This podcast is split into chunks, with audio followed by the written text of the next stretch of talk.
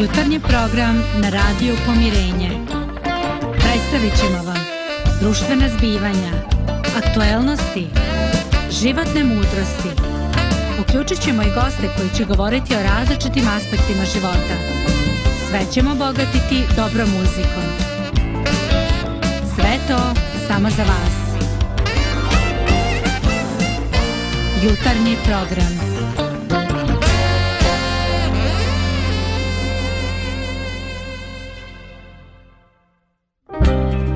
Ako Bog dozvoljava različitost, ko smo mi da nam smeta? Emisija Ljepota različitosti. Elije, pozdrav dragi slušalci i gledalci na neki način. Evo, drago mi je što mogu da vam kažem, pored nešto snijega i naša ekipa je u punom sastavu. Dakle, tu su Dragana, Lidija, Božidar i moja malenko Zdravko.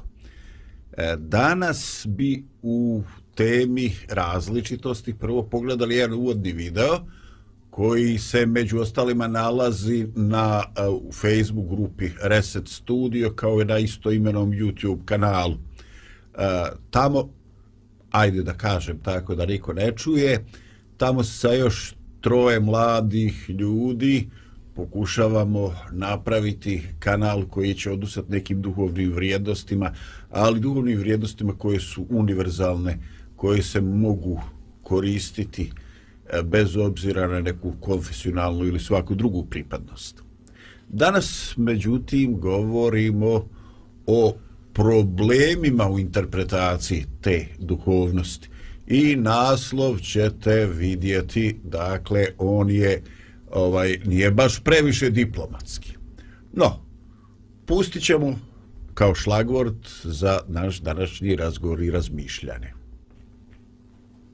Ako ste mislili da zlo na svijetu dolazi samo od nevjernika, od agnostika, od nekih ideologija koje jednostavno vode računa o interesima samo jedne grupe, samo i nekog entiteta.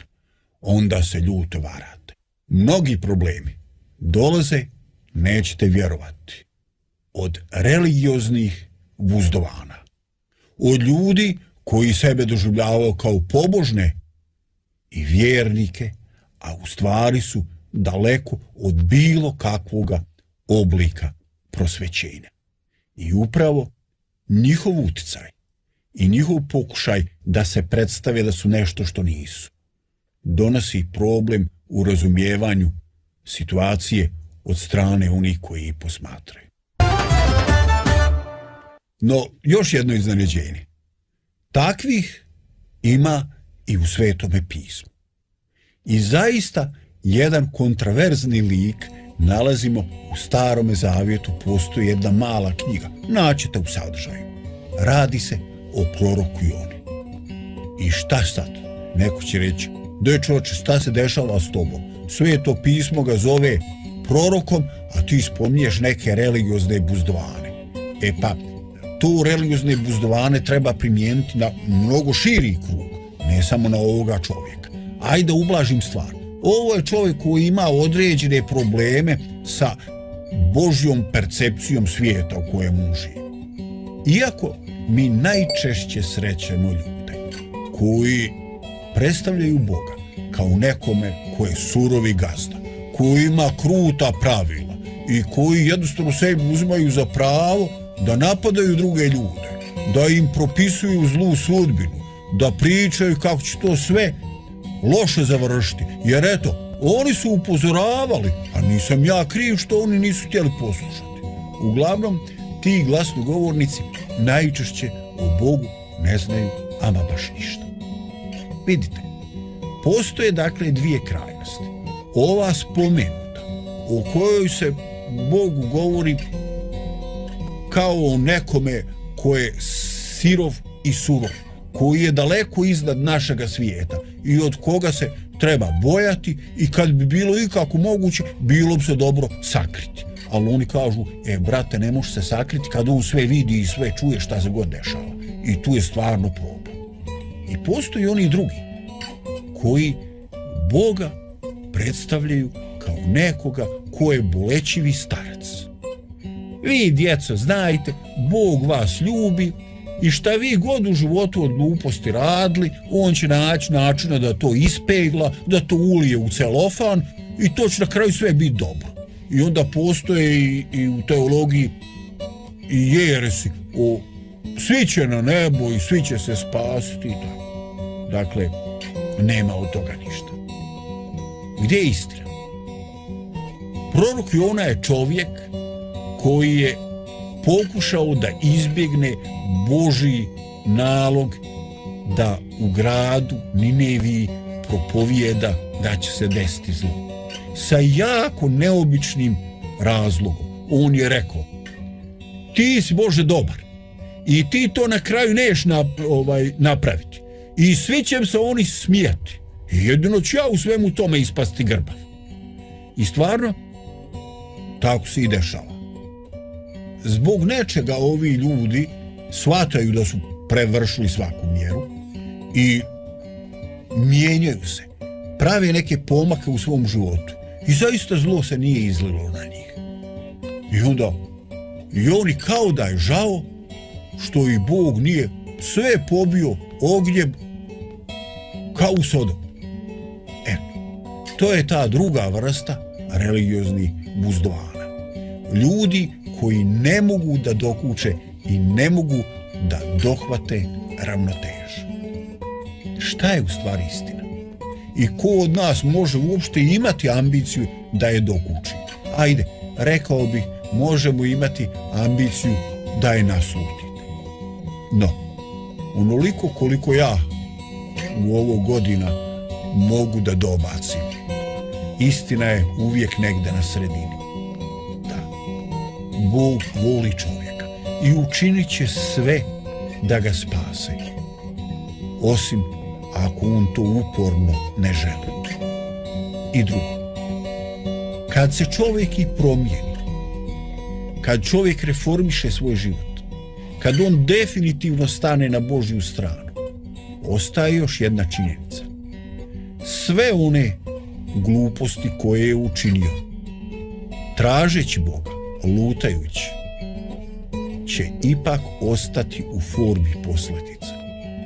Dakle, imamo ograničeno vrijeme, imamo slobodu da radimo šta hoćemo, ali nemamo mogućnosti da radimo dokle bi mi htjeli. I zato nemojmo Boga razumijeti kao neki vanjski daleki autoritet.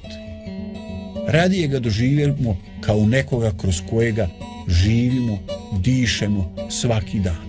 Nekoga ko je tako blizu i nekoga ko nalazi načina da nam progovori iznutra. I ako to učinimo, postoji velika nada da ćemo ući u zonu blagodati, u zonu milosti. I da će Bog uraditi promjene koje su potrebne da bi naš život bio plemenitiji i svrsishodniji i na kraju krajeva da bismo mogli dobiti dar života vječnog. Eto, dragi slušalci, dakle, načeli smo temu koja nije ni malo bezazlena, rekao bi ni jednostavna. Pogledajte, e, u samom pojmu riječ Bog, mi osjećamo da se radi o nečemu velikom i sudbonosnom. I onda se postavlja pitanje e, Božih glasnogovornika. I kroz istoriju, a naročito u zadnjih deset godina, se sve češće spominje riječ fundamentalizam. Dakle, Bog je suvremeni, suvereni veliki vladar, a onda dolaze ljudi koji imaju uh, potrebu da izgovaraju e, krute stavove, da ih nameću drugim ljudima, bez obzira da li oni tu vjerska osjećanja imaju ili nemaju, da li razumiju na taj način. Jednostavno, e, to je problem Božih glasnogovornika. E, obični čovjek će reći, ako ja ne mogu ostvariti lični kontakt, ako se meni već Bog neće javiti, kako da ja znam ko je od tih silnih Božih glasnogovornika autentičan? Ko me vodi na put, a ko mi zameće tragove? Eto, dragi kolega, ja odma pa muško, odma pa teško pitanje. Šta biste vi rekli nekome mladom čovjeku, početniku u vjere, kako da razlikuje autentični glas Boži, kako da prepozna ljude koji e, su autentični govornici i učitelji od oni koji su, ne znam, neki lažnjaci. Izvoli, Dragana. Vidim da hoćeš nešto. Teolog mene ovaj, daje prednost, hvala. ovaj, pa, ono što je najjednostavnije znači da se a zato opet treba, treba vrijeme da se čovjek isprak, is, da, da stekne jednu, da kažem, praksu u tome znači da, da vidi da li čovjek, ta osoba koju želi da, da, da provjeri da li je stvarno Boži, da li ta osoba um, živi i govori jedno te isto u stvari. Da li je, da li u harmoniji ono što čovjek govori i da li stvarno to uh, živi u svakoj ne, ne može da provjeri u svakoj sekundi, ali stvarno ono što izlazi iz njegovog srca, ono što stalno izlazi iz njega, da, da u stvari to bude harmo, u harmoniji sa njegovim riječima. Slažem se, slažem se s tobom. Evo ja ću iz svog života da kažem kako sam ja prešao od nekog fundamentaliste do a, neke bolje verzije. Sjećam se kad sam bio mlađi... Šta znači to? Neki blaži fundamentalista ili šta? pa ajde vidjet ćemo. Dobro. Kad sam bio mlađi, je, jedan moj rođak me pozvao da dođem u njegovu kuću jer su tu došli, da ih sad ne nazovem, ne kažem ko su to bili ti ljudi, ali pripadnici druge vjere da, on, da bi mogli razgovarati s njima o vjeri. I taj naš razgovor se završio tako neslavno da smo taj rođak moj ja izbacili njihove cipele kroz prozor i njih istirali iz kuće. I mi smo mislili da činimo Božju volju i da je to prava stvar što smo to uradili. Danas nekako drugačije gledam na sve to i mislim da prava vjera je uvijek ponizna, krotka, spremna da uči, ne misli da je ona jedina u pravu, da sam ja jedini u pravu, da niko ne može mene ništa da pouči. Mislim da je to jedna loša verzija vjere. Evo ja se Boždare stvarno uplašio. Kad sam čuo te ekstremne izjave izbacili smo njihove cipele kroz prozor. Kako su oni izašli? Su oni izašli na vrata? Izašli su bosi da. Izašli su bosi. To mora bosi. da je bilo jako užurbani izlazak kad nisu stigli pokupiti cipele. Eto, evo imam nešto ohrabrujuće, kad su oni pobjegli bez obuće, bolje i to nego da su i oni ističali kroz, ili skakali s prozora. Ja, tim sam čula onu riječ, izbacili smo, oh, mene nešto presjeklo, a kad sam čula ovo cipel, aj dobro. e, ovaj, Dragana, ko bi rekao Božidar kad ga danas gledaš, ovaj, e, možeš da ga zamisliš u takvoj ulozi? Ovaj baš mi baš mi to čudno o, kao mi... da priča o nekome drugom. Da. A mislim da moj rođak je bio aktivniji nego ja u tom izbacivanju. Eto, toliko o vjerskoj toleranciji, o, o, o našem pomirenju, e tako. I kod da se to kaže, ko prizna, oprosti mu se pola. A za ono pola, znate, či, sačuvat ćemo nivo. Evo, zaista, uh, problem fundamentalizma jeste Bog je definitivno apsolutan i Bog je definitivno u pravu kao tvorac po samoj definiciji. Ali sve ono što mi znamo i razumijemo o Bogu je na neki način samo otisak u nečemu što se zove ja. I znači to apsolutno više nije apsolutno, nego je to moja interpretacija tog apsolutnog. Dakle, e, ne može biti punina, ne može biti savršeno čak i sveti apostol Pavle kaže nešto znamo i nešto prorokujemo. A kad dođe savršeno, onda će prestati što je nešto. Dakle, e, zaista, e, shvatljivo je da su pojedini istorijski momenti takvi da traže neka e, radikalna rješenja. I pogotovo je to aktuelno možda u trenucima, u nesretnim trenucima istorije, kad se susreću civilizacije, kad se sukobljavaju za svoj uticaj i za prostor, a širenje vjere ognjem i mačem se doživljava kao neki sveti rat.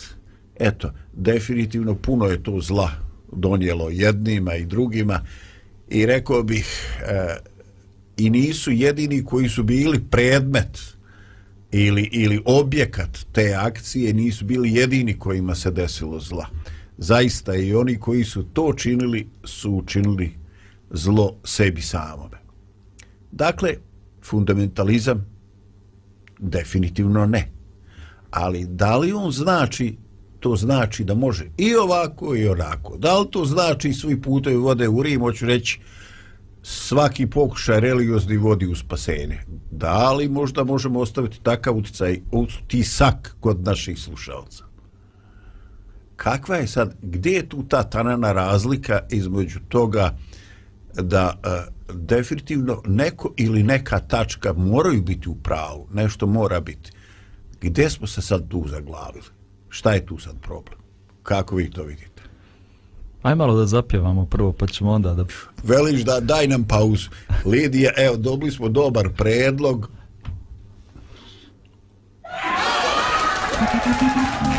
Can I get a witness out there? Somebody shout amen. Woo! Come on, come on, put those hands together. Come on. Thank you.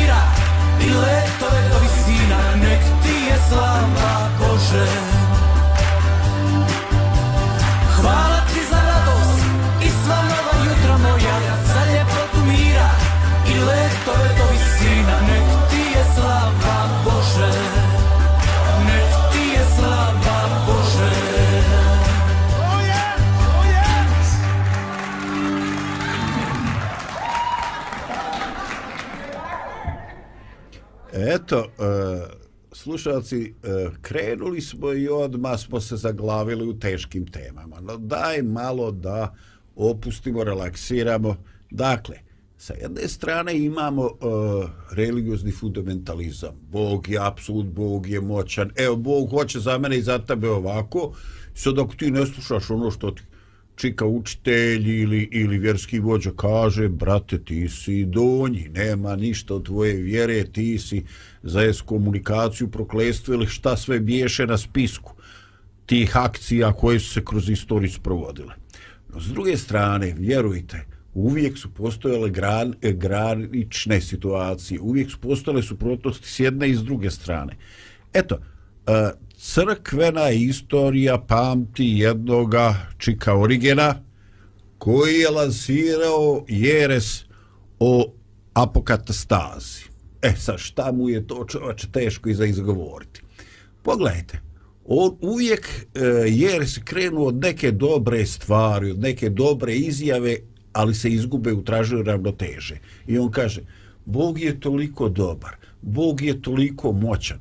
Zašto mi uopšte mislimo da se neko može oduprijeti Božjoj milosti? Eto, i tako je on došao do zaključka da će na kraju svi ljudi otići u vječnost, da će svi ljudi e, biti spašeni. E, dakle, sa jedne strane imamo pokušaj ljudskog tumačenja. Jednostavno neki ljudi su jako, jako su uh, žestoki, imaju jako visoke zahtjeve od sebe i to nameću drugima. A s druge strane postoje ljudi koji kažu, a nije problem, samo se vi opustite, sunčajte se i vi ćete jednostavno uploviti u zaliv Božje ljubavi, eto nas na kraju sviju na nebu. Šta vi osjećate. Šta vam od ovo dvoje više stvara nervozu? Kakve reakcije imate? Hu, pa ja sad o puno stvari razmišljam koje ti pričaš i sa puno stvari se ne slažem s koje ni s jednim ni s drugima. Prvo to kad kažeš svi će biti na nebu. E, sad mogu bi stvarno puno o tome da pričam, ali evo da kažemo da uopšte to pitanje spasenja, mislim da je pogrešno shvaćeno i na jednoj i na drugoj strani. Gdje spasenje znači pobjeći odavde iz ovog lošeg svijeta, ove loše planete, iz ovog zla u kome se nalazimo i neki vjeruju da će se to dogoditi prilikom smrti, da će duša da ode u neki bolji svijet, drugi opet vjeruju da to će se dogoditi na kraju vremena kada Isus ponovo dođe da sudi i tada će dati povesti sve te dobre ljude na neko drugo mjesto, kao što ti kažeš, na nebo. Uh, dok čitajući sveto pismo, ja to uopšte ne vidim tako. Prvo što vidim u svetom pismu, da spasenje pre svega se odnosi na spasenje od svih loših stvari kojima ja robujem. Spasenje od ljubomore, od pohlepe, od materializma, od zavisti, od sebičnosti. To je prvenstveni Boži cilj, da nas oslobodi te naše grešne prirode, aj tako da kažem, koja upravlja nama i da nam da jedan novi život. Već danas ovdje, znači ne moram da čekam ja sad hiljadu godina da bi ja se oslobodio svega toga, već danas ja mogu da budem slobodan od svega toga uz Božju pomoć a onda me Bog osposobljava kada me oslobodi toga, osposobljava me da se borim za bolji svijet. Ne da ja čekam jednog dana doće gospod i on će da, ja vjerujem da će stvarno se to dogoditi jednog dana, ali prije toga, mi svi koji smo doživjeli to kako, kako Biblija zove novorođenje, smo Boži predstavnici na zemlji i radimo na izgradnji boljeg svijeta, doprinosimo stvaranju boljeg svijeta. Znači, mislim da ne treba da provedemo ovaj život čekajući neki sljedeći ili da ne uživam u ovom svijetu čekajući neki bolji svijet koji će doći. Evo, sad sam svašta nešto nabacao. uh, uh, ovaj, pa ja, ja se definitivno slažem sa onim što ti pričaš, a jedina nedumica koju imam dok te slušam, ovaj, uh, ima mnogo izraza uh, za koje se pitam ljudi koji se E, ne bave, koji ne čitaju religijusnu literaturu, ovaj, kako oni uopšte svaćaju taj izraz na novorođen, kako ono, koliko mi iz tog nekog religioznog miljeja smo daleko, koliko e, koliko mi pričamo istim jezikom, koliko smo mi uopšte e, ovaj, e, sposobni na neki način da razgovaramo, da pričamo, da budemo razumljivi ljudima kad govorimo o ovoj problematici. Da li je ta problematika uopšte nešto što ljudi vide kao neki realno pitanje, kao nešto što se di, tiče njihovog života? Hmm, to je baš dobro pitanje jer uh, i mnogi, bar ja onako kako vidim, uh, i oni koji se bave religioznom literaturom i takvim stvarima, mislim da dosta njih ne razumije taj izraz nanovo se roditi. Šta to znači nanovo? Znači kao neki sljedeći, drugi put se roditi. Znači da bi onako kako čovjek bi to o tome razmišljao čekaj, ako sad drugi put rađam, znači da bih ja trebao, znači jednom da umrem, pa da ponovo kao ne, neko novo biće, novi čovjek da se rodim. A, I religiozna literatura ispominje tu, tu neku vrstu duhovne smrti, ali to je u stvari ovo što je Božidar već govorio. Kako ja danas ovdje na zemlji okružen zlom, koje me napada i prožet zlom, kako ja reagujem na to zlo? Da li ja vremenom se predajem dobroti, da li se predajem Bogu, da me On brani od tog zla i, on, i, i onda ono zlo u meni umire i umire i umire i onda se ja pod navodnicima rađam kao neki novi čovjek i svakog dana se dio mene rađa i obnavlja zapravo. Hm, jel mogu sam da kažem primjer iz prirode da objasnimo šta je novorođenje? Nanovo se roditi. Pa imamo u prirodi primjer tog novog rođenja i novog stvaranja. Gusjenica ide po blatu, puzi po zemlji i onda se obavi u neku čauru i dogodi se nevjerovatan proces koji niko ne može da objasni. Šta se tu dogodi u toj čauri? Ali uglavnom iz te čaure izađe jedno potpuno novo stvorenje. Leptir koji leti po prostranstvima, ne puzi po zemlji, ne puzi po blatu, dogodila se dogodilo se novo rođenje, dogodilo se novo stvaranje, dogodila se metamorfoza. Ja mislim, to je ono što, to je cilj religije, u stvari, da se u našem životu dogodi metamorfoza. Bio sam jedan čovjek, a sada sam nešto potpuno novo. Ali da. to treba da ide nekako po tom, da kažem, Božjem duhu, ne nekom našem, nekom vještačkom pomoći, što si rekao, fundamentalizam ili ne znam šta, neko ljudsko pomaganje da se čovjek, da postane kao bolji nešto. Jer i gusjenicu, kad su ljudi pomagali joj e, da, da se razviju leptira, leptir taj uopšte nije mogao nikada poleti. E, nemoj to, se, to se i onama. Nemoj to Bog pomagati, a? Molim te, nemoj pomagati. nemoj, nemoj me više braniti, jel tako? To je onaj vic naš ovdje iz Bosne. Ovaj, vidite, uh, uh, vi, ja sam mislio da sam zakomplikovao na početku, ali vi uvedošte još jedno, dvije, tri nove teme. No, da se vratimo.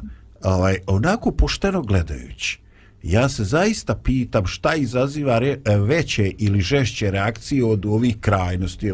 Ti si Boždara baš lijepo rekao, ja se ne slažem ni s jednim ni s drugim. Pa ni ja se ne slažem. Da bi razumio nešto, neki srednji put čovjek mora osvijetliti posljedice i ono što se dešava na lijevoj i na desnoj strani, što bi rekli na ekstremnoj lijevici i desnici. Dakle, šta nas živcira kod fundamentalista? De čovače, ne moš ti svoju viziju Boga nametnuti svima nama, ne moš ti biti, nisi ti Boži glagosnogovornik. De malo prikoči, de u toli, de se smiri, šta si ti umislio da si ti sve shvatio, niko ne treba misli svojom glavom. A s druge strane, e, ljudi koji pripadaju toj originovoj e, jeresi, ona se to na zapadu zove univerzaliza, a, oni... E, jednostavno izazivaju žestok bijes. Jer ljudi koji su bili svjedoci neki istorijski zala i bili svjedoci onoga šta je čovjek u stanju da uradi čovjeku i onome koliko je čovjek spreman da uživa u ljudskoj patnji drugoga čovjeka, jednostavno ljudi osjete bijes i kaže pa zar bi Bog odveo u vječni život nekoga ko je u stanju da digne svoju ruku na dijete, na starca ili tako. Dakle, sve je to skopčano sa osjećanjima. I jednostavno kao da je smisao svega toga da nam kompromituje u glavi sliku Božje. Upravo te, upravo te krajnosti, kao da im je to cilj. Kao da je upravo to smisao te destruktivnosti. Ali, očito je da dok pričamo o krajnostima, da nas sve vuče, da bi trebali da sagledamo neki e, srednji uravnoteženi put uravnoteženi put u kojem bi se ti principi, kako ti Boždare kaže, Božijeg carstva vidjeli već ovde, sada, u ovome životu. Prije nego što to na sudnji ili kismetni dan Bog pože, ka, dođe i kaže sad ćemo po novim mojim pravilima igre. Dakle, Božji učenici bi trebali da nešto od toga pokažu već ovde.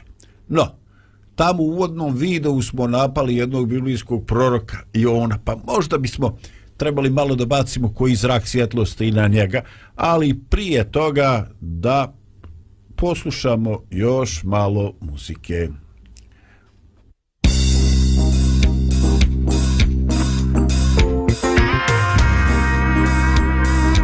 Radio Pomirenje.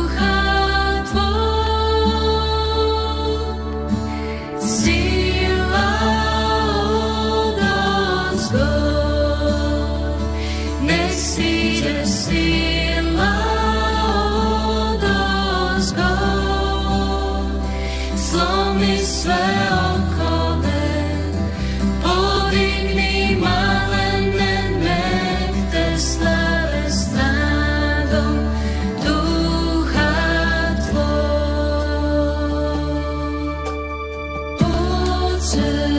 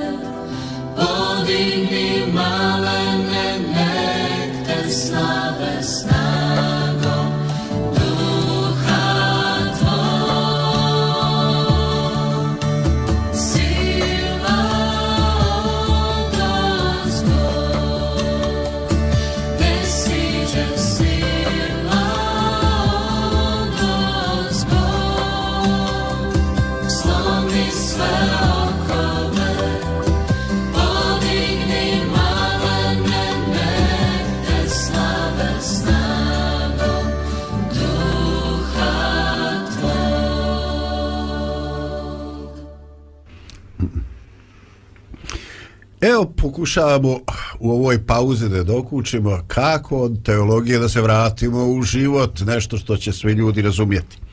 No, dakle, imali smo u uvodnom videu sliku jednog biblijskog proroka koji je pozvan da kaže ljudima da će da nastradaju, da su dozorili, da su napravili mnoštvo gluposti da islijedi slijedi Božja kazna.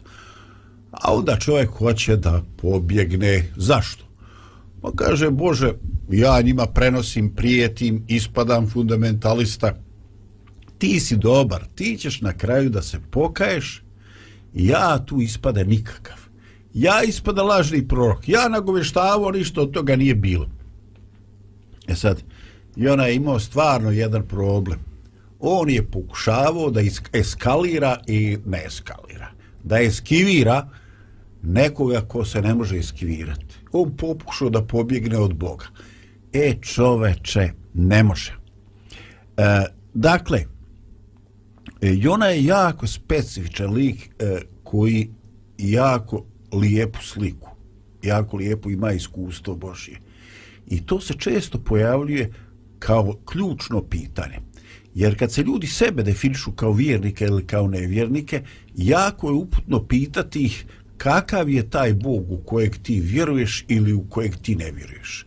Vjerujte, mnogi ateisti, deklarisani nevjernici, e, kad kažu kakav je taj Bog u kojeg oni ne vjeruju, definitivno najveći broj vjernika bi rekao, pa ni ja ne vjerujem u takvog Boga o kojem ti pričaš. Dakle, e, tu se pojavljuje problem kako oni koji se deklarišu kao vjernici, bez obzira u kojem religijskom sistemu pripadaju, na koji način, kako oni prezentuju sliku Božju. Da li će ljudi, gledajući u nas, koleginice, kolega, da li oni saznaju više ili bivaju zbunjeni, više pogubljeni. Da li smo mi pojačali ekipu ili bi je pojačali kad bi napustili utakmicu? E, šta mislimo koliko je to uopšte taj faktor da svjedok o Bogu bude autentičan? Koliko je to uopšte vidite kao ozbiljan problem? Ili ljudi uče o Bogu samo na osnovu nekog svog sobstvenog iskustva? Šta mislite o tome? Jo, sad mi pada na pamet David, inače kad se spominju takve teme, on prvi pade na pamet, kralj David, koji je nekad živio, koga je Bog pozvao i odredio ga da bude i kralj, da, da vlada tim narodom i da, da u stvari bude svjedok Božiji.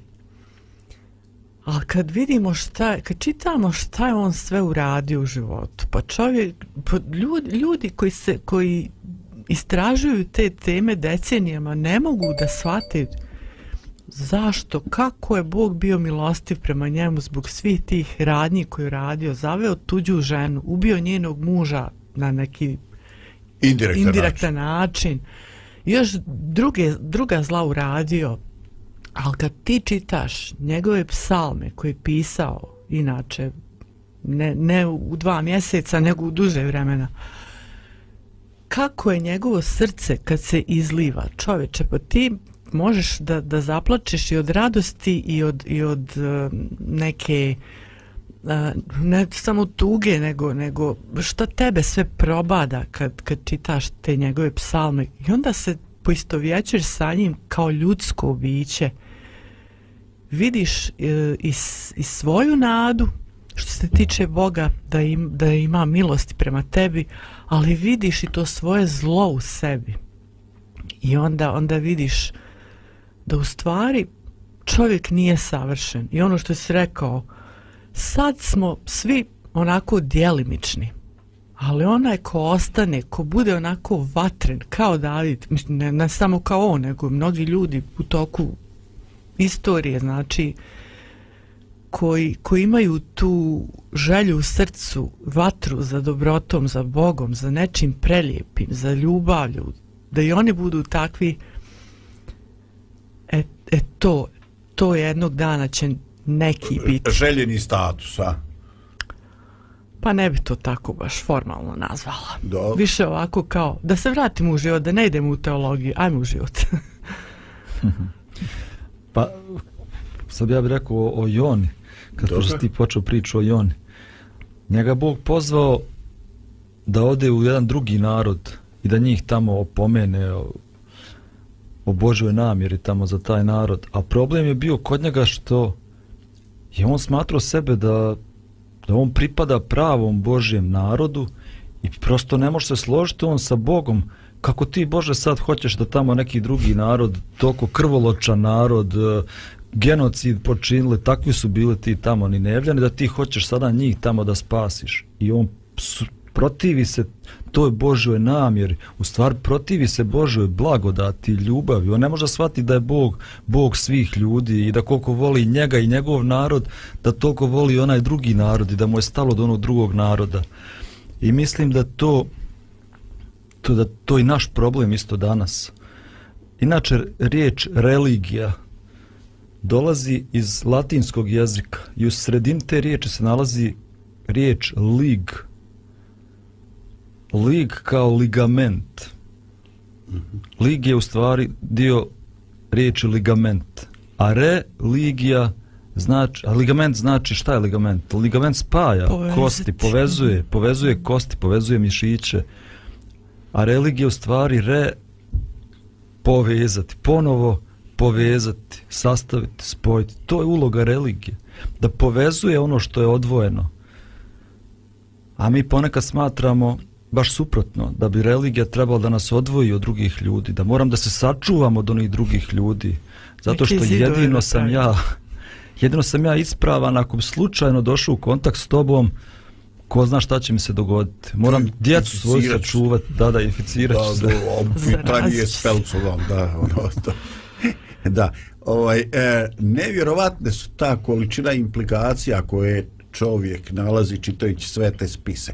E, evo, Dragana, ti spominješ jednoga e, čovjeka nevjerovatne vjere, velikoga srca i velikih greša, grešaka.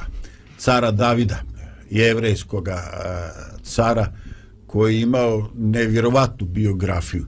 Ali pogledajte, nakon svega, ovaj, to je čovjek koji je pisao, rekla si, psalme, znači knjigu Starog Zavjeta, Svetoga pisma, knjiga koja je uva, uvažena u sve tri monoteističke religije i u islamskoj tradiciji David ili Davud je jedan od poslanika Božih. Dakle, ovaj, e, nevjerovatno je e, koliko je ta zastupljena borba u umu, u srcu ljudi. I jednostavno ovaj ponavlja se ono staro nijedan svetac nije bez prošlosti, nijedan grešnik nije bez budućnosti. Razmišljajmo o tome. I jednostavno čovjek je u iskušenju da donese e, sudove, da osudi drugoga čovjeka, pa čak i čitave grupe i narode, da ih proglasi ovakvim ili onakvim. Ali svako je priča za sebe. Svak nosi neki svoj teret životnih iskustava, životne patnje i frustracije i nesnalaženja. Dakle, Jona, veličanstveni prorok sa teretima, predrasudama svoga vremena, biva vođen i učen. Činim se da je to ono što i nama treba, pa prije što uđemo u završni dio našeg današnjeg druženja, e, Lidija može malo još opuštajuće muzike.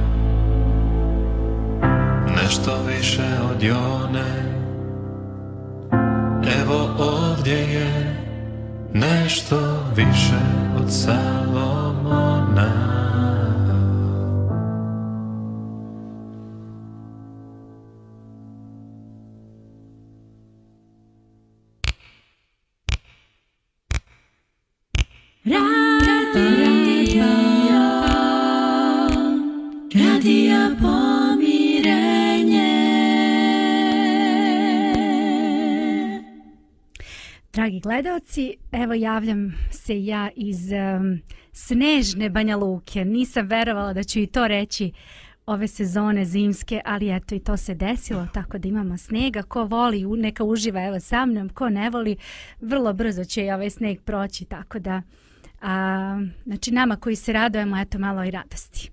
A, danas e, malo da skrenemo sa ove možda, možda danas malo ozbiljnije teme.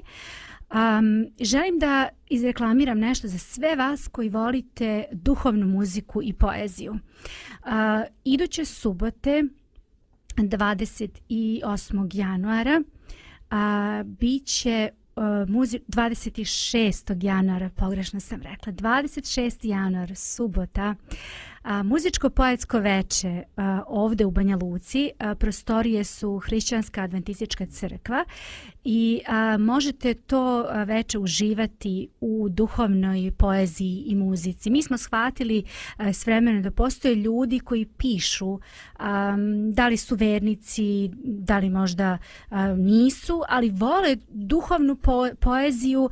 A, ima oni koji zaista vole da pišu, tako da mi volimo jednom godišnje, dakle zadnje subote u januaru mesecu, da posvetimo njima.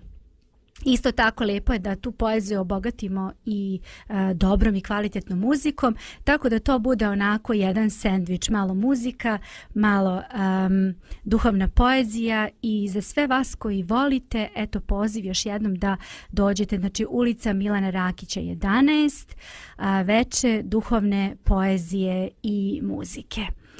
Eto, toliko od mene. Zdravko.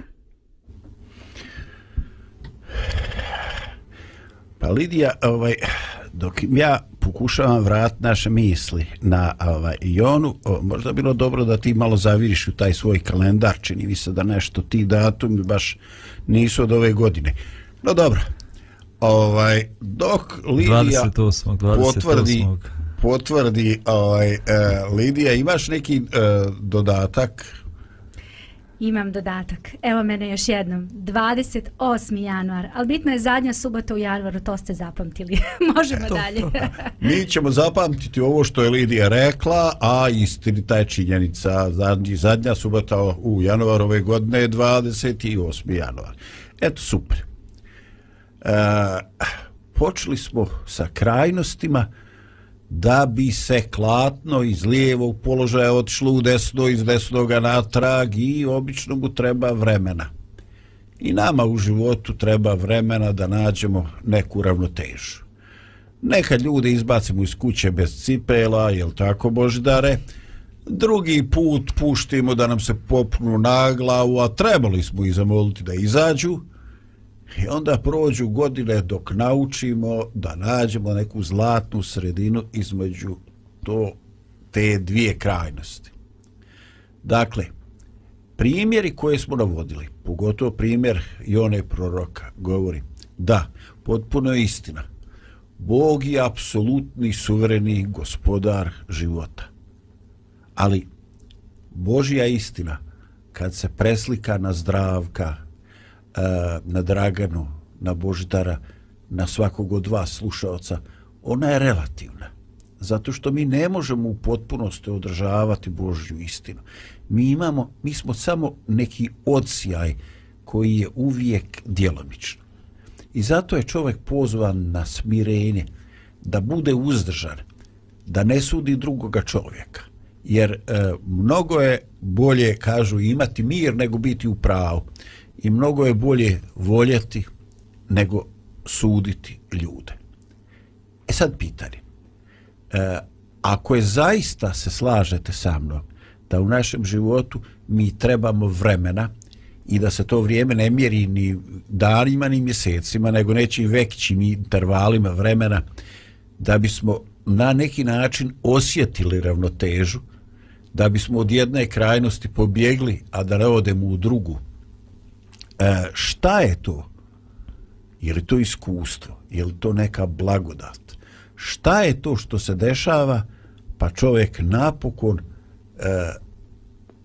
nalazi taj neki srednji carski put? Kako se to uopšte dešava? Sa čim vi to povezujete? Ne znam kako se to dešava svim ljudima, ali evo mogu da kažem kako se to meni dogodilo. Pa dogodilo mi se što sam izašao iz svog geta odlučio sam da izađem iz svog geta i kad sam bio u Sarajevu uh, otišao sam jednom prilikom na fakultet islamskih nauka i tamo sam doživio nešto što uopšte nisam očekivao. Naišao sam na jednu ustanovu koja je progresivna, koja je otvorena, koja je tolerantna. Našao sam profesore na tom fakultetu islamskih nauka koji citiraju hrišćanske pisce, koji citiraju Bibliju, ja sam stvarno bio iznenađen.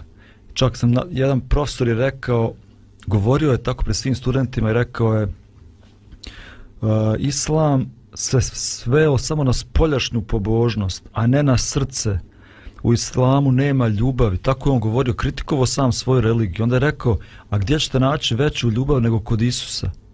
Pa ja nisam mogu da vjerujem da ja to slušam na fakultetu islamskih nauka jednostavno iskustvo, kao što ti kažeš, susreta sa ljudima koji su drugačiji, koji drugačije vjeruju, mi je proširilo moje vidike, da vidim da je Bog prisutan svugdje, da Bog radi tamo u, u njihovim životima, u njihovoj zajednici. Iskustvo da sam našao najbolje ljude, možda koji nisu pripadnici moje religije i moje vjere, mi govori da je Bog zainteresovan za sve ljude, da Bog radi u životu svih ljudi. To je definitivno uh, istina, ali to je jedno prelijepo iskustvo. Dragana, jesi planirala da nam se javiš još?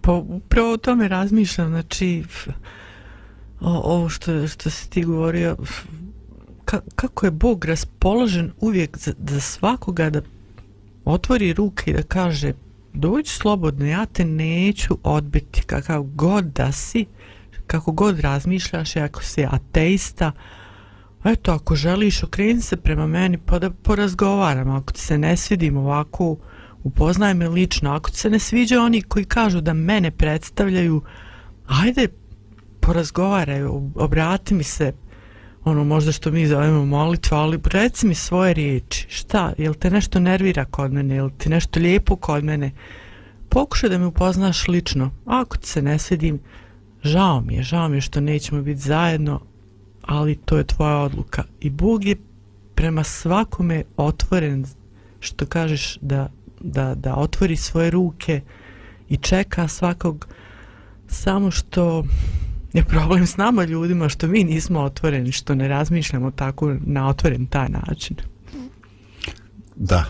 A, definitivno mnoge stvari e, o kojima mi razmišljamo i to je jedna tema koju bi možda bilo dobro vrijeme a, da u sljedećem našem susretu, srijedu ili petak, razgovaramo o njoj, o tom našem a, identitetu. Dakle, Boždare, tvoj a, poznanik, profesor na islamskoj teologiji, a, nije mu smetala pripadnost islamu da bi uvidio veličinu jednoga Isusa.